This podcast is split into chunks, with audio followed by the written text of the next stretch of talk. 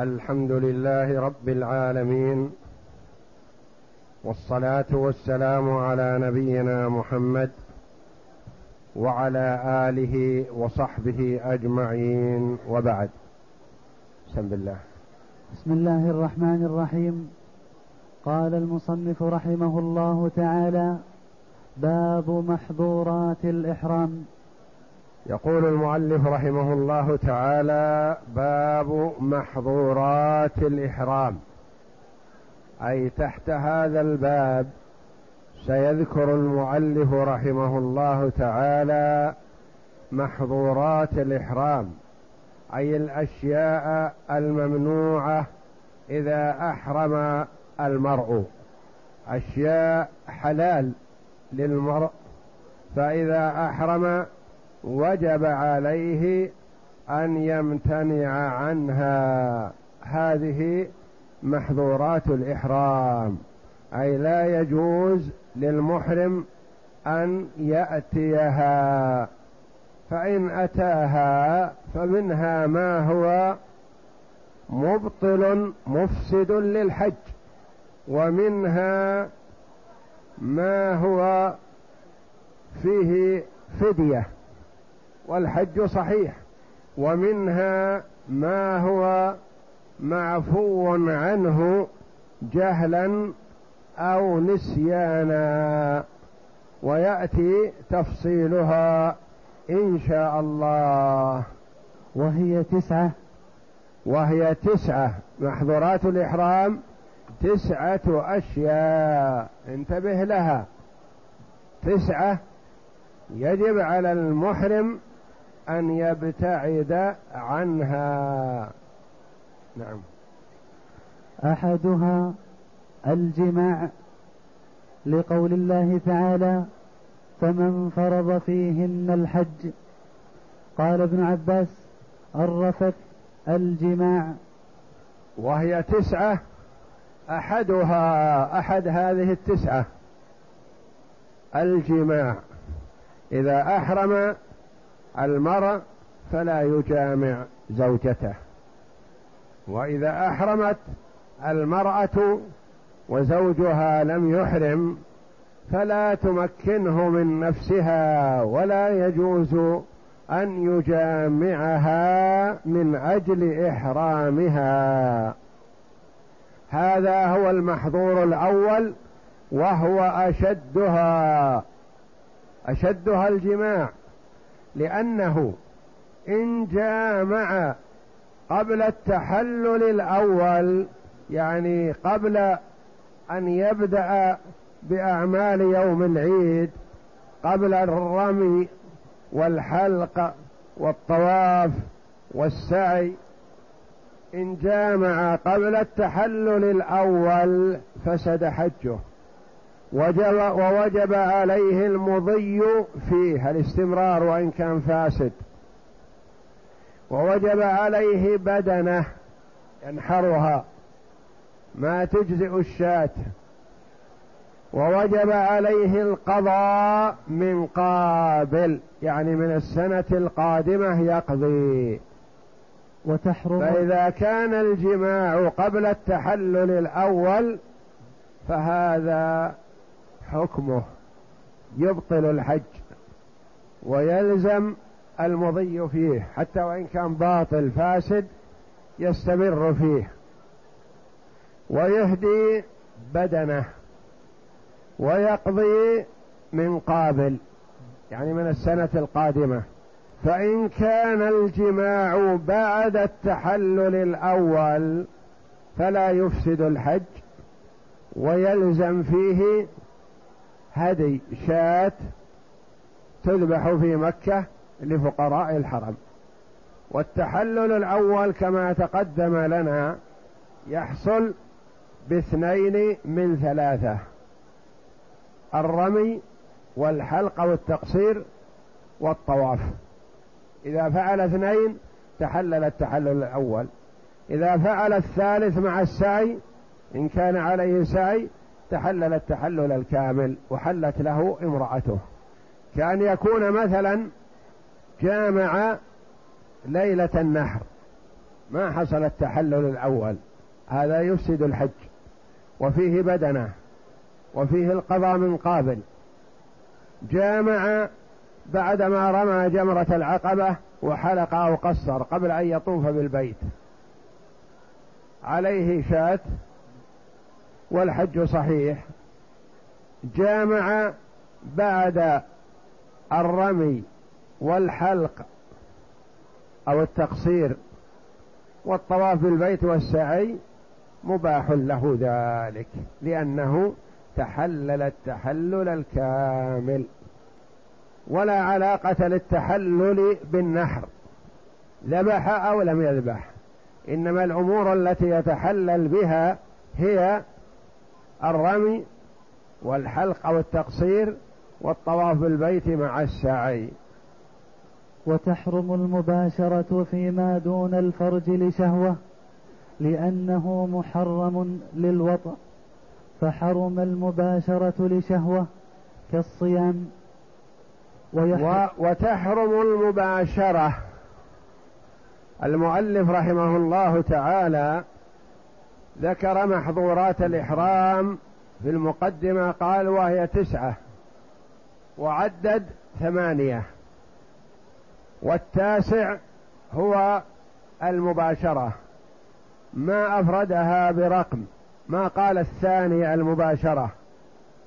جاب الثاني عقد النكاح والمباشرة محظورة من محظورات الإحرام يعني مباشرة الرجل امرأته دون حائل بشهوة دون الجماع. هذا محظور من محظورات الإحرام.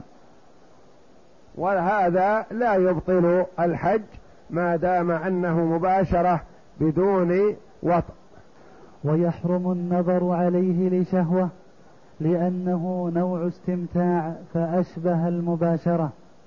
ويحرم النظر بشهوة يعني تكرير نظر الزوج لزوجته بشهوة وهو محرم يحرم عليه ذلك ولا يجوز لأنه يستمتع بهذا.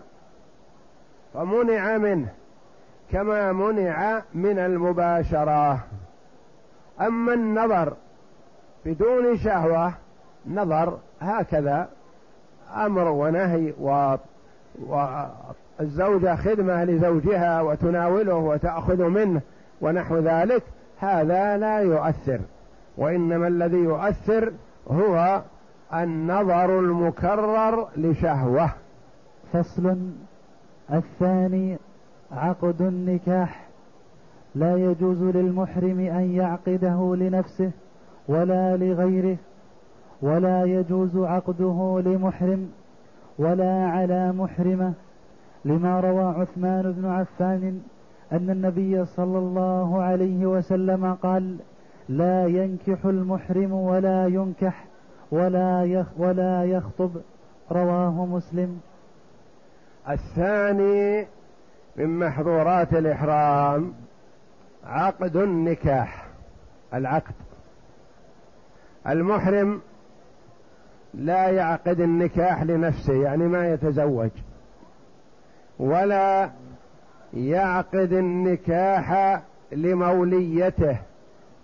ولا يعقد النكاح لمن أحرم. يعني جميع الأطراف سواء كان زوج أو زوجة أو ولي هؤلاء الثلاثة كلهم أو عاقد. يعقد النكاح. هؤلاء لا يجوز أن يعقدوا. وعقدهم إذا عقدوا فاسد. رجل مثلا عقد له على امرأة وهو محرم. العقد فاسد. هو ليس بمحرم لكن هي ذهبت للحج وهي محرمة. العقد فاسد. عقد لا لنفسه وإنما عقد لبنته أو أخته وهو محرم. العقد فاسد. وهكذا. فإذا كان زوج أو زوجة أو ولي حالة الإحرام لا يجوز العقد. لحديث عثمان بن عفان رضي الله عنه أن النبي صلى الله عليه وسلم قال لا ينكح المحرم يعني ما يتزوج المحرم. ولا ينكح يعني لا يزوج غيره. ولا يخطب يعني ما ينبغي أن يخطب امرأة وهو محرم.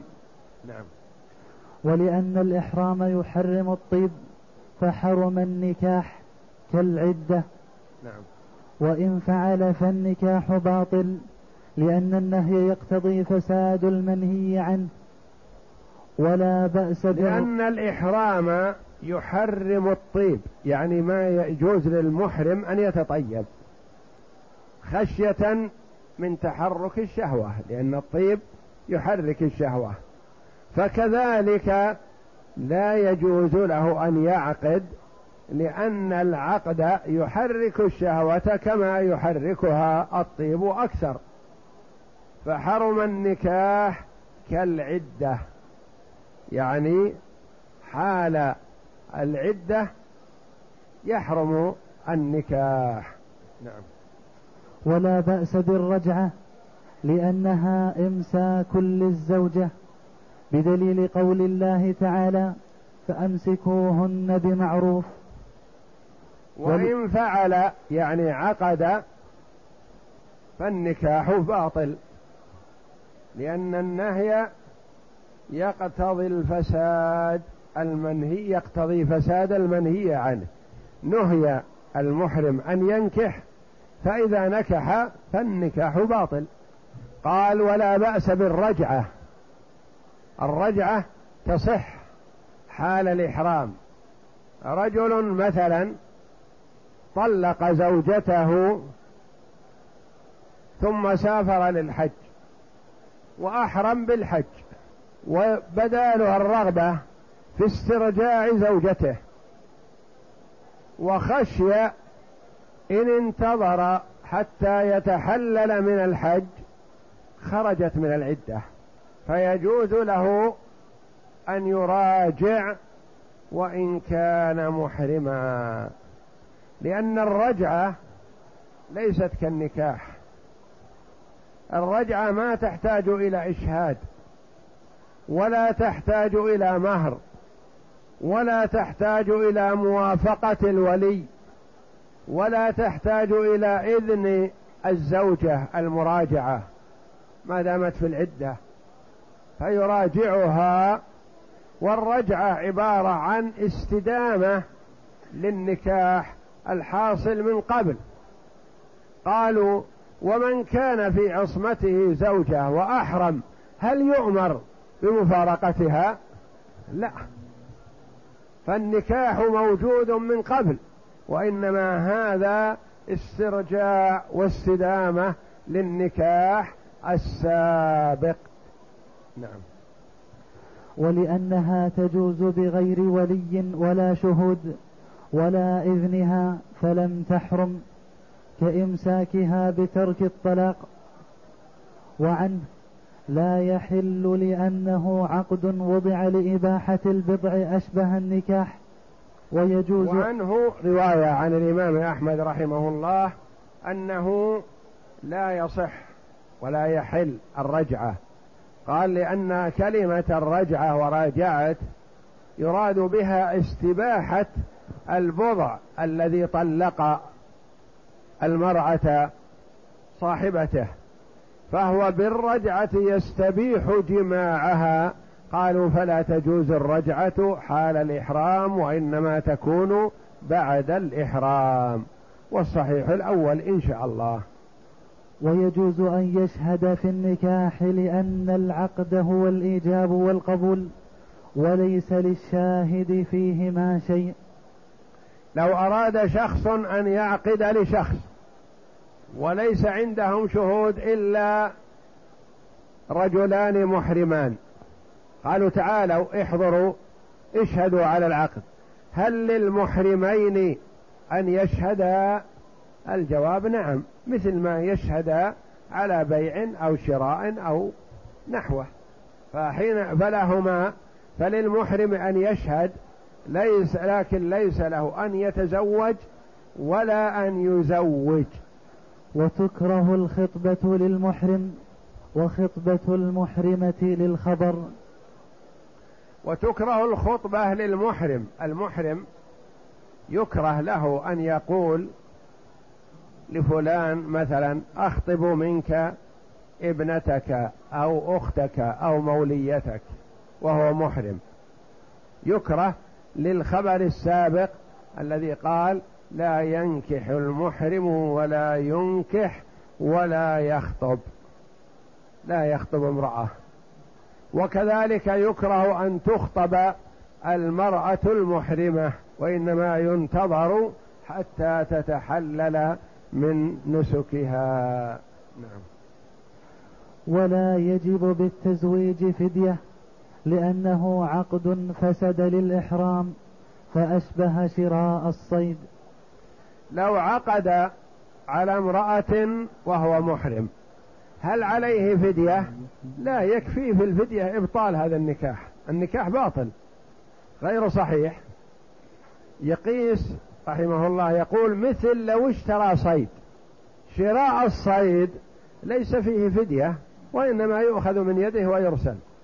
يطلق سراحه. وليس فيه فدية لأنه ما أتلفه. وإنما وجد شيئا يباع فاشتراه فيؤخذ من يده ويطلق سراحه. فصل الثالث قطع الشعر لقول الله تعالى ولا تحلقوا رؤوسكم حتى يبلغ الهدي محلة نص على حلق الرأس وقسنا عليه سائر شعر البدن لأنه, تمضي لأنه يتنظف ويترفه به فأشبه حلق الرأس وقص الشعر وقطعه ونتفه كحلقه ولا يحرم عليه حلق شعر الحلال لأنه لا يترفه بذلك. الثالث من محظورات الإحرام قطع الشعر. قال قطع علشان يشمل الحلق والنتف والقص وغير ذلك. وأيا كان هذا الشعر لا يأخذ من رأسه ولا من شاربه ولا من أبطه ولا من عانته ولا من سائر جسمه في ساقيه في خديه في فخذيه في ذراعيه لا يأخذ شيئا من الشعر مطلقا. الوارد في كتاب الله حلق الرأس. ولا تحلقوا رؤوسكم حتى يبلغ الهدي محله. يقول وقسنا عليه ما عدا. تقصيره نتف الأبط حلق العانة كل هذه الأمور مقيسة على حلق الرأس. ولا يحرم عليه حلق شعر حلال. هو محرم بالعمرة أو بالحج. جاءه شخص طاف وسعى وأراد أن يتحلل. قال يا أخي خذ المقص قص من رأسي. يقول لا أنا محرم. نقول لا حرج عليك قص لمن أراد أن يتحلل وإن كنت محرم. أنت منهي عن أن تأخذ من شعرك أنت. وأما أن تقص أو تقصر أو تحلق لغيرك فلا بأس. مثلا رجل لا يزال محرم وصاحبه تحلل قصر له أنت. امرأة مثلا تقصر لرفيقتها والمرأة الأولى لا تزال محرمة والثانية تريد أن تتحلل. فقصرت لها لا بأس لكن لا يقصر المرء لنفسه قبل أن يكمل لكن إذا أكمل خلاص يقصر لنفسه و والتقصير لغيره يقصر وإن كان محرما. قال لأنه لا يترفه بذلك لا يترفه فهو إذا حلق رأسه يترفه لكن إذا حلق رأس ولده أو رأس أخيه هل يترفه هو بهذا؟ لا ما يستفيد شيئا. نعم. وإن خرج في عينه شعر أو استرسل شعر حاجبيه فغطى عينيه فله إزالته ولا فدية عليه. لأن الشعر آذاه فله فكان له دفع أذاه من غير فدية كالصيد إذا صال عليه. إذا كان الشعر فيه أذى لا يخلو. إن كان الأذى من الشعر نفسه أو الأذى في شيء داخل الشعر من غير الشعر. فرق بين الاثنين. شخص تأذى من شعر يتدلى في عينيه. آخر يتأذى من قمل في شعر رأسه. نقول الشعر الذي يتدلى في عينيه أو يتدلى في فمه من شاربه مثلا كأن يكون مضى عليه وقت طويل وهو محرم وطال شعر شاربه وصار يدخل في فمه. هذا الشعر نفسه مؤذي يقصره ولا إثم عليه ولا فدية. الصورة الثانية يتأذى من قمل في شعره.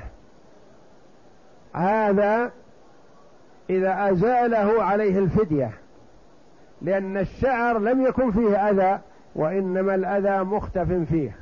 مثلا جرح في يده وفيه الشعر. يريد أن يزيل الشعر من أجل أن يعالج الجرح. هذا عليه الفدية.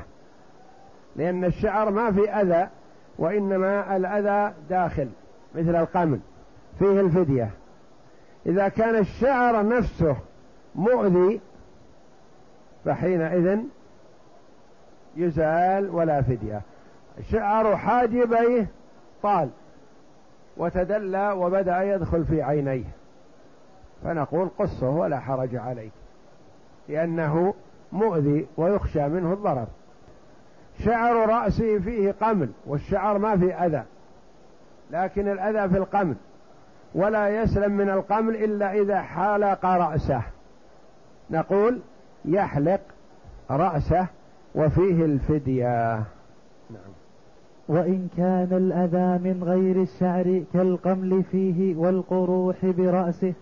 أو صداع أو شدة الحر عليه لكثرة شعره فله إزالته وعليه الفدية لما نذكره ولأنه فعل المحرم لدفع ضرر لدفع ضرر غيره فلزمته فديته كما لو قتل الصيد لمجاعة بخلاف من آذاه الشعر. إذا كان الأذى من غير الشعر وإنما من شيء آخر ولا يسلم من هذا الأذى إلا بإزالة الشعر يزيل الشعر وعليه الفدية. مثل مثلا من تضرر بالحر الشديد مع كثرة الشعر ومضطر لأن يزيل الشعر حتى يسلم من هذا الحر الشديد. نقول لا حرج عليه في إزالة الشعر وعليه الفدية لأن الأذى ليس من الشعر فيفدي. مثل هذا الصيد كما سيأتي. شخص قتل الصيد لأنه تسلط عليه. إما أن تقتله وإما أن يقتلك. صيد مفترس. أو قتل الصيد لأنه جائع جوعا شديد. يبيح له أكل الميتة فذا قتل الصيد لأجل أن يأكله ولا يأكل الميتة. ففي أحدهما الفدية دون الآخر. أيها إذا قتل الصيد لأنه صائل فهل فيه فدية؟ لا ما في فدية. لأنه نفس الصيد مؤذي. قتل الصيد ليسد جوعته لأنه جائع. ففيه الفدية. فصل الرابع تقليم الأظفار يحرم لأنه جزء ينمى ويترفه بإزالته أشبه الشعر. وإن الرابع تقليم الأظفار من محظورات الإحرام. لا يأخذ شيئا من أظافر يديه ولا من أظافر رجليه. لأنه جزء ينمي يعني يزيد ويترفه بإزالته يعني يرتاح. إذا طالت أظافر اليدين مثلا آذته فيترفه بإزالتها وتخفيفها. فقالوا لا يزيلها المحرم. أشبه الشعر. و... نعم. وإن انكسر ظفره فله إزالته ولا فدية عليه كالشعر المؤذي.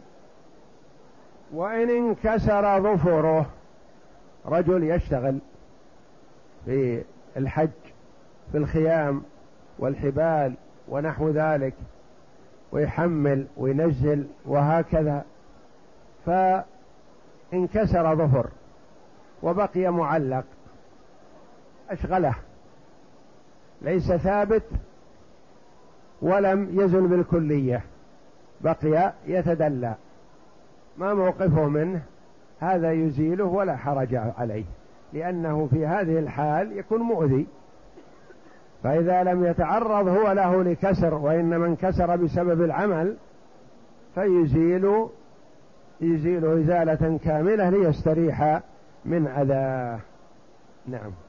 وإن قص أكثر ممن كسر فعليه فديته وإن احتاج إلى مداواة قرح قرحة لا يمكنه مداواته وإن قص أكثر ممن كسر فعليه فديته. مثلا ظفره طويل وانكسر جزء منه وبقي معلق. أزال هذا المنكسر لا فدية. فإن عمق وأزال المنكسر وزيادة ففيه فدية في في فيما أزاله. الشيء المزال فيه فدية لأنه تعرض له وهو ثابت. وإن احتاج إلى مداواة قرحة لا يمكنه مداواتها إلا بقص ظفره فعل وعليه الفدية كالحالق كحالق الرأس دفعا لأذى قمله. وإن احتاج إلى مداواة قرحة. ظفره طويل لكن لا ضرر فيه وليس مؤذي لكن حدر الظفر قرحة جرح. ما يستطيع أن يداوي هذا الجرح إلا بإزالة الظفر.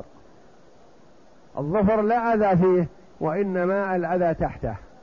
فإذا أزاله حينئذ فلا إثم لكن عليه الفدية لأنه أزاله من أجل غيره. نعم. فصل الخامس لبس المخيط. يحرم عليه لبس كل ما عمل للبدن على قدره. خف لما روى ابن عمر رضي الله عنه أن رجلا قال يا رسول الله ما يلبس المحرم من الثياب؟ قال رسول الله صلى الله عليه وسلم لا يلبس القمص ولا العمائم ولا السراويلات ولا البرانس ولا الخفاف إلا أحد لا يجد النعلين فليلبس الخفين وليقطعهما أسفل من الكعبين. ولا يلبس من الثياب شيئا مسه زعفران ولا الورس متفق عليه. الخامس من محظورات الإحرام لبس المخيط. سواء كان مخيطا مثل القميص والثوب ونحوه والسروال أو غير مخيط لكنه محيط. بالجسم أو محيط بالعضو. مثل الفنيلة مثلا قد يكون ليس فيها خياطة حيكت هكذا فلا يجوز. أو إلصاق ألصقت الأطراف بعضها مع بعض وأصبحت كأنها مخيطة فلا يجوز لأنها حينئذ صارت مخيطة. مثلا لو لف على عورته مثلا خرقة وألصقها بملصقات مثلا أصبحت كأنها سروال. حينئذ هذه تعتبر ممنوعة من الممنوعات لأنها ملبوسة على قدر جزء من الجسم.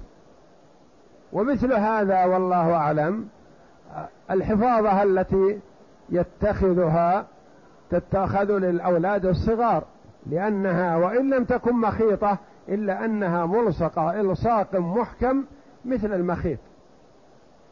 فالأشياء التي تلصق إلصاقا مثل المخيط تكون مثل المخيط حكما.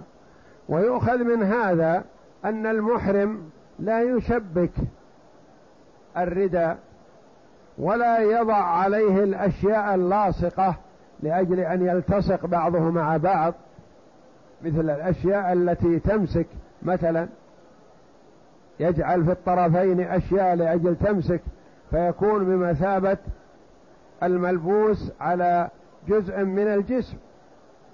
كل هذه من محظورات الإحرام لقوله صلى الله عليه وسلم لا يلبس القمص ولا العمائم يعني الأشياء التي تكون على الرأس ولا السراويلات التي تكون على جزء من الجسم. السراويلات جمع سراويل والسراويل مفرد. مفرد لفظه لفظ الجمع. يقال هذا سراويل مثلا. وإذا كانت أربعة أو خمسة يقال هذه سراويلات. وهي ممنوعة للمحرم الرجل الذكر صغيرا كان أو كبيرا نعم. وسواء في هذا ما كان من خرق أو جلد مخيط بالإبرة أو ملصق بعضه إلى بعض لأنه في معنى المخيط كل هذا سواء كان هذا المخيط من نوع من الجلد أو من الخز أو من الحرير أو من القطن أو كان ملصقا إلصاقا أو مخيطا خياطة أو مدبس بدبابيس كما يفعل بعض الإخوة جهلا يدبس الردى ويصبح كأنه لباس كأنه مخيط وهذا خطأ وإنما الردى يوضع على الكتفين فقط. بخلاف الإزار فالإزار كما سيأتي للمحرم أن يربطه خشية أن يسقط فتظهر العورة. حفاظا على العورة. وأما الردى فلا عورة حينئذ وإنما يضعه على كتفيه. نعم. والتبان والرأن كالسراويل لأنه في لأن التبان ونحو هذه عبارة عن السراويل القصيرة. نعم. لأنه في معناه وإن شق الإزار وجعله ذيلين شدهما على ساقيه لم يجز له كالسراويل مثل ذلك الشراب شراب الرجلين للرجل. ما يجوز له أن يلبسها كما لا يلبس الخف لا يلبس الشراب. نعم.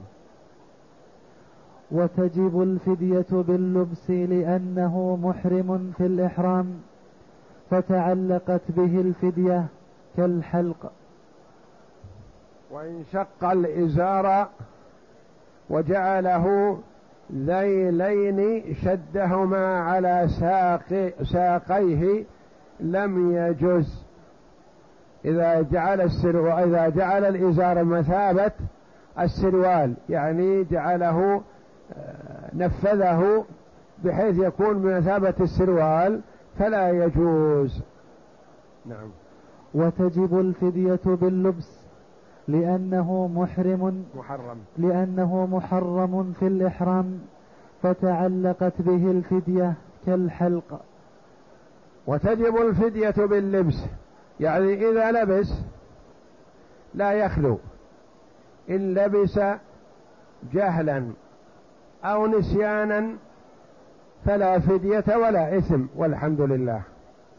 وإن لبس عمدا لحاجة فلا إثم وعليه الفدية.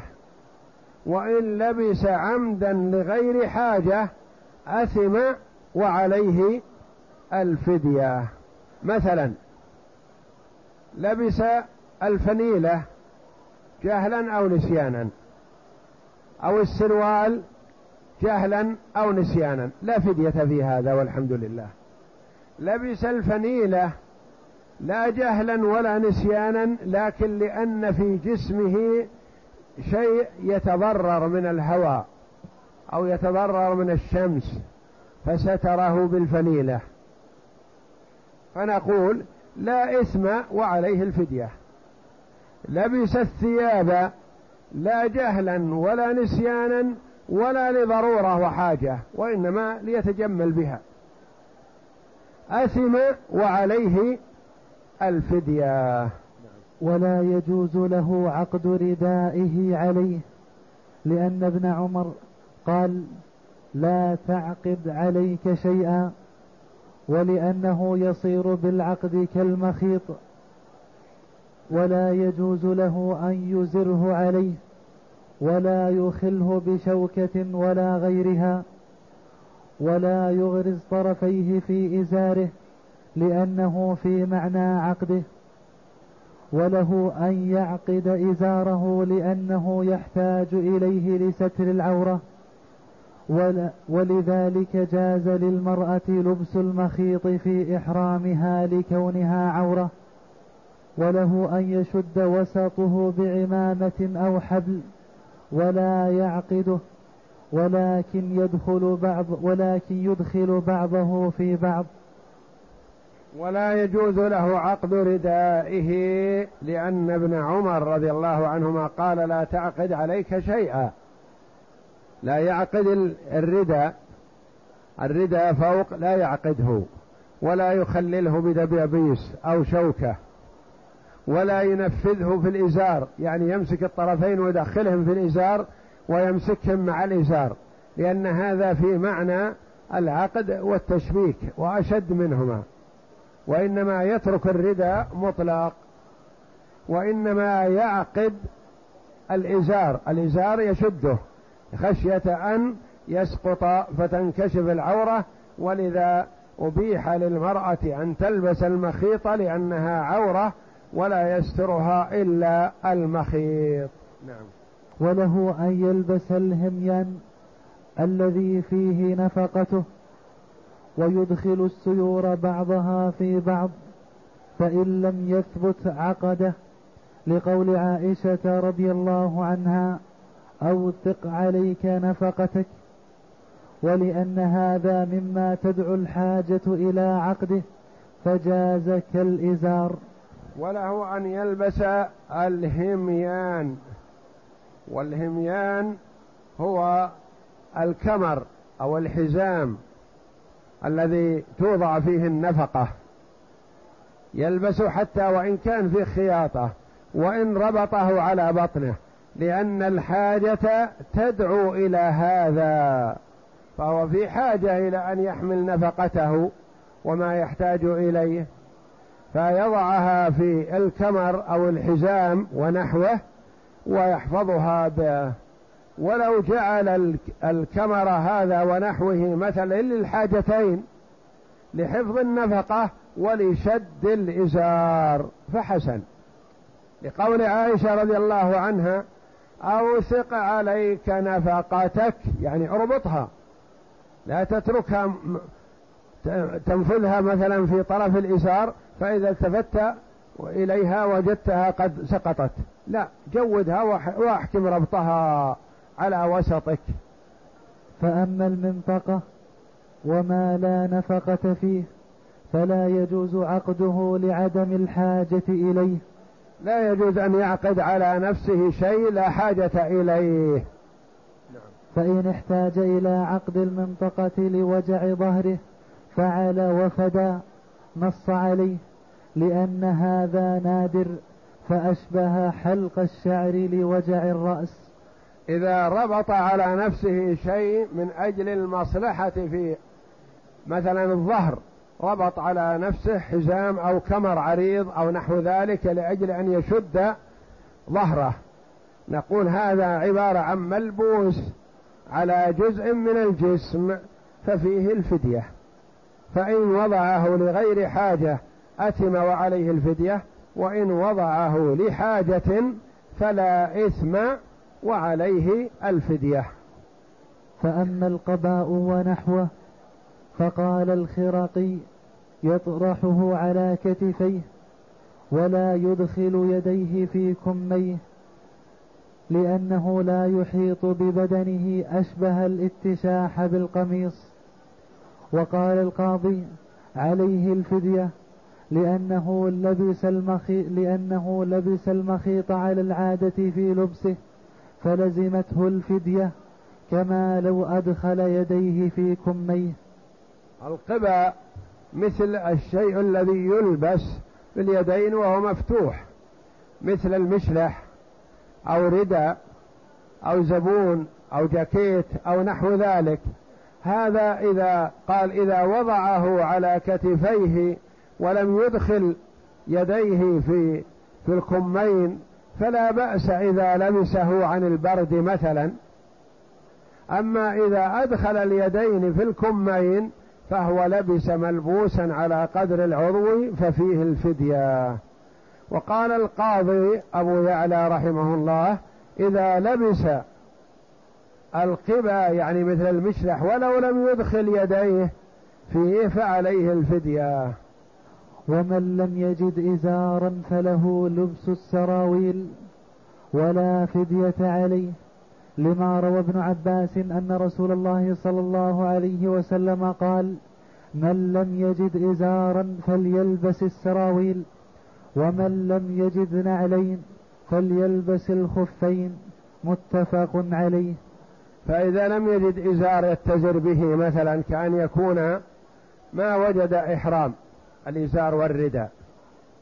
إما ما وجد شيء يباع أو كان إزاره ورداءه مثلا بداخل الشنطة مع الأمتعة وهو في الطيارة وليست بين يديه ولا يتمكن من أخذها إلا بعد مجاوزة الميقات فيحرم بالسراويل. ولا فدية عليه والحمد لله. فإن كان السراويل طويل فيكفيه. وإن كان السراويل قصير فلا بأس أن يتزر بثوبه مثلا. يكون عليه السروال القصير لأن الثوب قد لا يستر العورة فيضع الثوب بمثابة الإزار على الوركين والفخذين لأن الفخذين عورة. وإذا كان السروال قصير لا يستر العورة بكاملها فيجب ستر العورة فيتزر بثوبه. يعني إذا خلع الثوب واتزر به فلا بأس عليه. كذلك لا بأس عليه بلبس السروال إذا لم يجد الإزار ولا فدية عليه. ما وجد نعلين يلبس الخفين ولا فدية عليه. نعم. ومن عدم الرداء لم يبح له لبس القميص لأنه يمكنه أن يرتدي به على صفته ولا يمكنه أن يأتزر بالسراويل ومتى وجد الإزار لزمه خلع السراويل للخبر. نعم. و ومن عدم الرداء يعني بالطائرة ما معه رداء ما نقول إنه معذور يلبس الثوب. لأن الرداء ليس ضرورة بخلاف السراويل فالسراويل ضرورة لستر العورة ولا يمكنه أن يتزر بالسراويل لأن السراويل ما ما يؤزره. بخلاف القميص فبالإمكان أن يضعه على كتفيه ويكفي. وليس هناك ضرورة لو برز الكتفان أو برز الصدر أو برز الظهر لا إشكال في هذا. لكن السر السراويل لا بد منه لأجل ستر العورة نعم.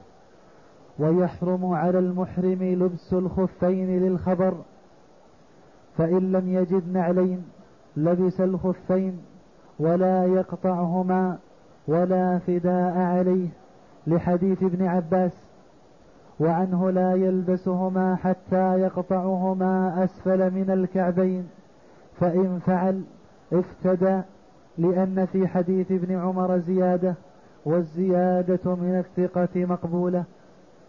إذا لم يجد نعلين ووجد خفين. الخفان يستران مثلا إلى منتصف الساق. هل يلزمه أن يقطعهما أو لا؟ قولان في المسألة. قول لا يلزم القطع. لما؟ لأن حديث ابن عباس في عرفة. الرسول يخطب في عرفة وما ذكر القطع. فحينئذ يكون القطع قد نسخ. القول الآخر أنه يلزم القطع لما؟ قالوا لأن حديث ابن عمر فيه من لم يجد نعلين فليلبس الخفين وليقطعهما أسفل الكعبين. قالوا هذه زيادة في حديث ابن عمر على حديث ابن عباس والزيادة من ثقة مقبولة. فيؤخذ بالزيادة فالمسألة فيها قولان هل يقطع الخفان أو لا يقطعان؟ والظاهر والله أعلم عدم القطع لأن فيها في القطع إفساد ولأن حديث ابن عباس في عدم ذكر القطع هو المتأخر فيؤخذ به. وإن لبس خفا مقطوعا مع وجود النعل فعليه الفدية للخبر. إن لبس خفا ولو مقطوعا مع وجود النعل ما جاز له ذلك لأنه عليه أن يلبس النعل النعل المكشوف والخف ساتر فيلبس المكشوف ولا يلبس الخف فإن لبس الخف مع وجود النعل فعليه فدية ذلك. وليس له لبس الجمجم واللالكة في ظاهر كلام أحمد لأنه في معنى الخف المقطوع. فإن لم يجد النعلين فله لبس ذلك من غير فداء كالخفين. قال أحمد. هذه أنواع من الحذاء ساترة. هذه لا يلبسها المحرم وهو يجد النعل المكشوف. قال أحمد لا يلبس نع... لا يلبس نعالا لها قيد. وهو السير المعترض على الزمام ويقطع العقب يعني الشرك الشرك شرك الشرك. قال القاضي نعم. يعني إذا كان إذا كانا عريضين يستران القدم ولا فدية فيه لأن حكمهما أخف من حكم الخف. وقد أباح النبي صلى الله عليه وسلم لبسه عند عدم النعل في من غير قطع فها هنا أولى. يعني لا يلبس ما يستر القدمين والكعبين وهو يجد شيئا لا يسترهما. فيلبس النعلين ولا يلبس هذه الأشياء. نعم. ومن وجد نعالا لا يمكنه لبسها لبس الخف وافتدى نص عليه. لأن إسقاط الفدية مشروط بعدم النعل والقياس أنه لا فدية عليه.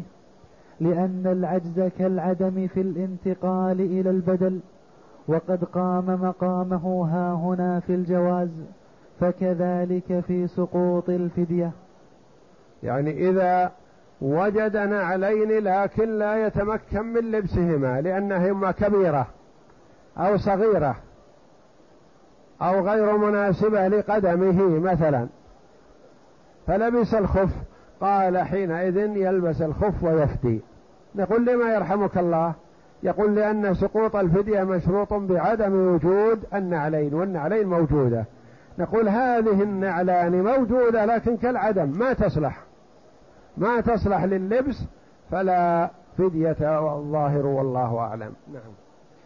فأما المرأة المحرمة فلها لبس المخيط كله إلا النقاب والقفازين والبرقع وشبهه لما روى ابن عمر أنه سمع رسول الله صلى الله عليه وسلم نهى النساء في إحرامهن عن القفازين والنقاب وما مس الورس والزعفران من الثياب ولتلبس بعد ما أحبت من ألوان الثياب من معصفر أو خزد أو حل أو حلي. أو حلي أو سراويل أو قميص أو خف رواه أحمد بإسناده وروى البخاري منه لا تتنقب المرأة ولا تلبس القفازين ولأن إحرام المرأة في وجهها فحرم عليها تغطيته. أما المحرمة المرأة فتلبس المخيط وتلبس ما شاءت إلا أنها تجتنب اللباس المطيب وتجتنب لباس الشهرة وتجتنب اللباس الذي يشبه لباس الرجال. كل هذه الأمور تبتعد عنها المرأة لأنه يحرم على المرأة أن تتشبه بالرجال في لباسهم. وأما الألوان فليس للمرأة لون معين. كما يظن بعض النساء أنه لا يصح الإحرام إلا بأخضر أو أسود أو أبيض. كل هذا لا أصل له. تلبس ما شاءت إلا أنها تجتنب اللباس الذي يشبه لباس الرجال وتجتنب اللباس المعطر والمطيب وتجتنب لباس الشهرة والزينة. نعم.